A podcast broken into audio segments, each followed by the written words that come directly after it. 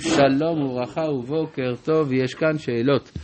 שואל אריאל, עליי קללתך בני, מדוע יש ציפייה לקללה? לא, אין הכוונה שיש ציפייה, אבל אם תהיה, זה הכוונה. אם תהיה קללה. ב', מדוע רחל לוקחת על עצמה את הקללה?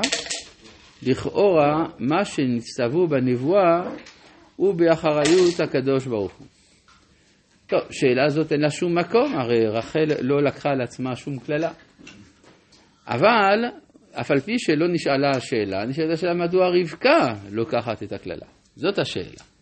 והתשובה היא משום שאף על פי שהיא עושה בציווי השם, אבל יש לנו עיקרון שקללת חכם אפילו על חינם היא באה. זה כמו שלמשל, אם אדם עושה שליחות של מצווה, אבל בא מישהו ופוגע בו בדרך.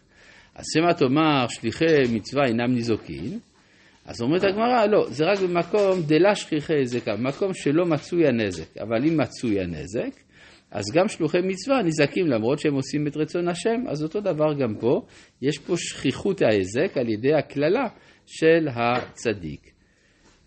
שואל דור, שלום כבוד הרב, בשיח בין יצחק ליעקב, יעקב אומר אנוכי, עשיו בכורך. ויצחק אומר מה זה מיהרת למצוא בני. ובהמשך האתה זה בני עשיו. האם גם פה רמוז אלוהי העולם הבא ואלוהי העולם הזה, כמו שלמדנו בתחילת הפרשה?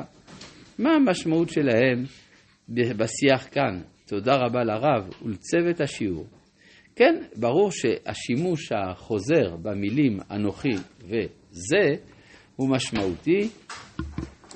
אז בעצם כשאומר יעקב אנוכי עשיו, אנוכי רוצה לומר האמונה בחיי העולם הבא. ולמה זה מיהרת למצוא? זה, זה אתה הצלחת לצוד, שזה פעולה המיוחדת לבעלי העולם הזה. כלומר, הוא מבחין כאן בחיבור המיוחד בין שתי המגמות, שזה בעצם מה שמכשיר את יעקב לקבל את הברכה. ובכן, אנחנו בפרק כ"ז עדיין, אם אני לא טועה. כן, בפרק כ"ז, ואנחנו בפסוק אה, כ"ג. ולא הכירו, כי היו ידיו כדי עשיו אחיו שעירות, ויברכהו. אז ולא הכירו זה ביטוי לא לגמרי ברור. הוא לא יודע אם זה עשיו, אבל נראה שגם הוא לא יודע האם זה יעקב. זאת אומרת שיצחק נשאר עם הספק האם מדובר ביעקב או בעשו. אז למה הוא מברך למרות שהוא לא בירר עד הסוף? מה, וכי הוא לוקח כזה סיכון? אלא נראה שבעצם מה שהוא אומר, אם זה אחד שמדבר כמו יעקב ויש לו ידיים של עשו, אז מה זה משנה אם זה מתחיל מזה שזה יעקב והוא קנה את הידיים של עשו, או אם שזה עשו והוא קנה את הקול של יעקב. בכל מקרה, מי שמסוגל לשילוב הזה הוא הראוי לברכה. לכן הוא אומר, אבל יש לו יותר נטייה לחשוב שזה עשיו, לכן הוא אומר, פסוק כ"ד, ויאמר, אתה זה בני עשיו? ויאמר, אני. ויאמר, אגישה לי ואוכלה מצד בני למען תברכה נפשי, ויגש לו ויאכל, ויבא לו יין וישת. ויאמר אליו יצחק אביו, גשנה ושקל לי בני. ויגש האישה כלו, וירח את ריח בגדיו, ויברכהו, ויאמר ריח ריח בני, כריח שדה אשר ברכו השם. כלומר, אנחנו רואים שיצחק משתף בברכה מספר חושים. את הטעם, כן, וגם המישוש, וגם הריח, וגם הקול. הביטוי, הדבר היחיד לכאורה שלא שותף זה הראייה, אבל דווקא כאן אומר כאן ראה ריח בני. כלומר, אף על פי שהוא לא רואה ראייה פיזית, אבל יש לו ראייה רוחנית, אבסולוטית, כריח שדה אשר ברכו השם. השדה שברכו השם זה פשוט גן עדן. איפה מצאנו שדה אחר שהשם בירך? אולי ארץ מצרים, אבל גם זה נאמר כגן השם, כארץ מצרים. זאת אומרת שהוא מבחין שאצל יצח... אצל יעקב ריח גן עדן מגיע, וכתוצאה מזה וייתן לך האלוהים איתה לשמיים. עכשיו, פסוק וייתן לך האלוהים, אם אנחנו מחברים אותו לפסוק הקודם, כריח שדה אשר ברכו השם, ולכן הוו תהיה המשמעות שלו, ולכן ייתן לך האלוהים. כי יש קושי אה, דקדוקי מובנה. לא מתחילים משפט בוו. בכוונה בוו החיבור, כן, בוו ההיפוך כן ממשיך, מתחילים, ויאמר, וידבר, אבל וייתן זה לא וו ההיפוך.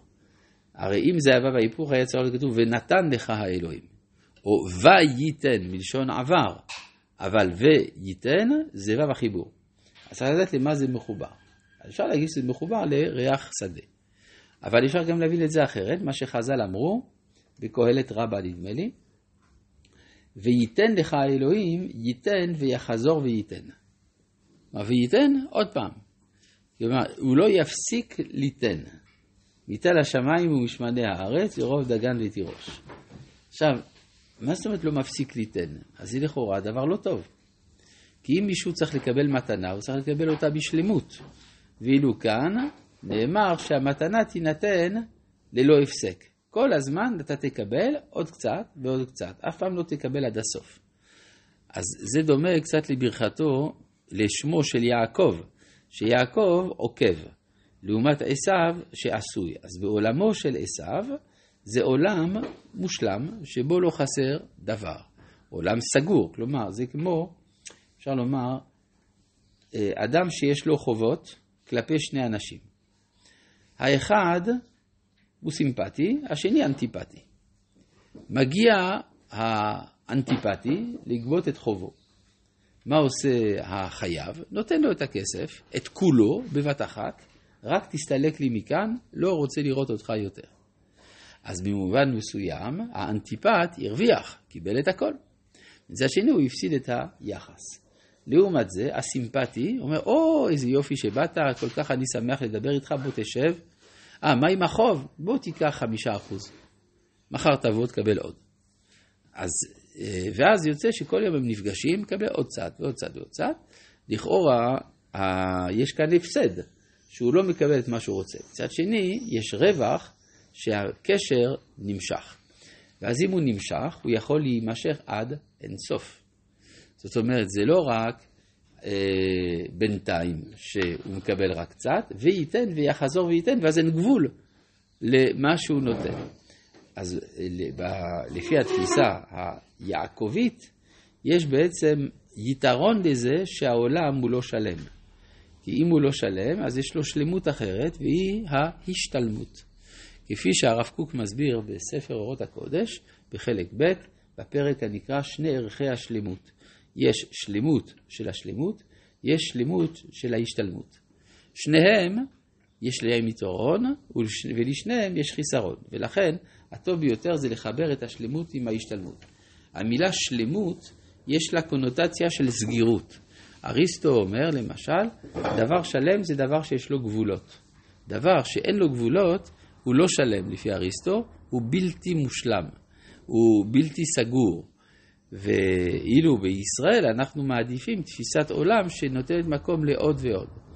זה ההבדל, אפשר לומר שלפי התפיסה הזאת, יוצא שעשו, שנאמר בו, משמני הארץ יהיה מושבך, ומטל השמיים מעל, שלא חסר לו דבר, או, ולכן הדימוי שלו הוא כדימוי לחזיר, שכל חלקי גופו משל, משמשים למשהו, כי החזיר לט דעתיר מחזירה, אומרת הגמרא, אז הוא דומה מבחינה פילוסופית לשיטה של ברוך ספינוזה.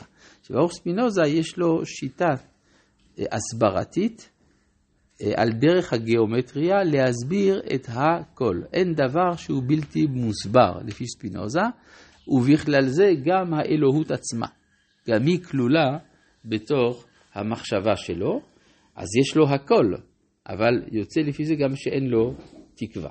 לעומת יעקב, ש"וייתן לך האלוהים, מטל השמיים ומשמני הארץ, ורוב דגן ותירוש.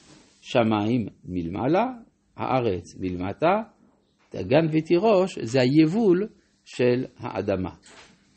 כלומר, אנחנו רואים שהברכה כאן נוגעת לברכת העולם הזה. ברכת העולם הבא, לפי מה שלמדנו, יעקב איננו נזקק לכך, בגלל שזה כבר בטבע שלו.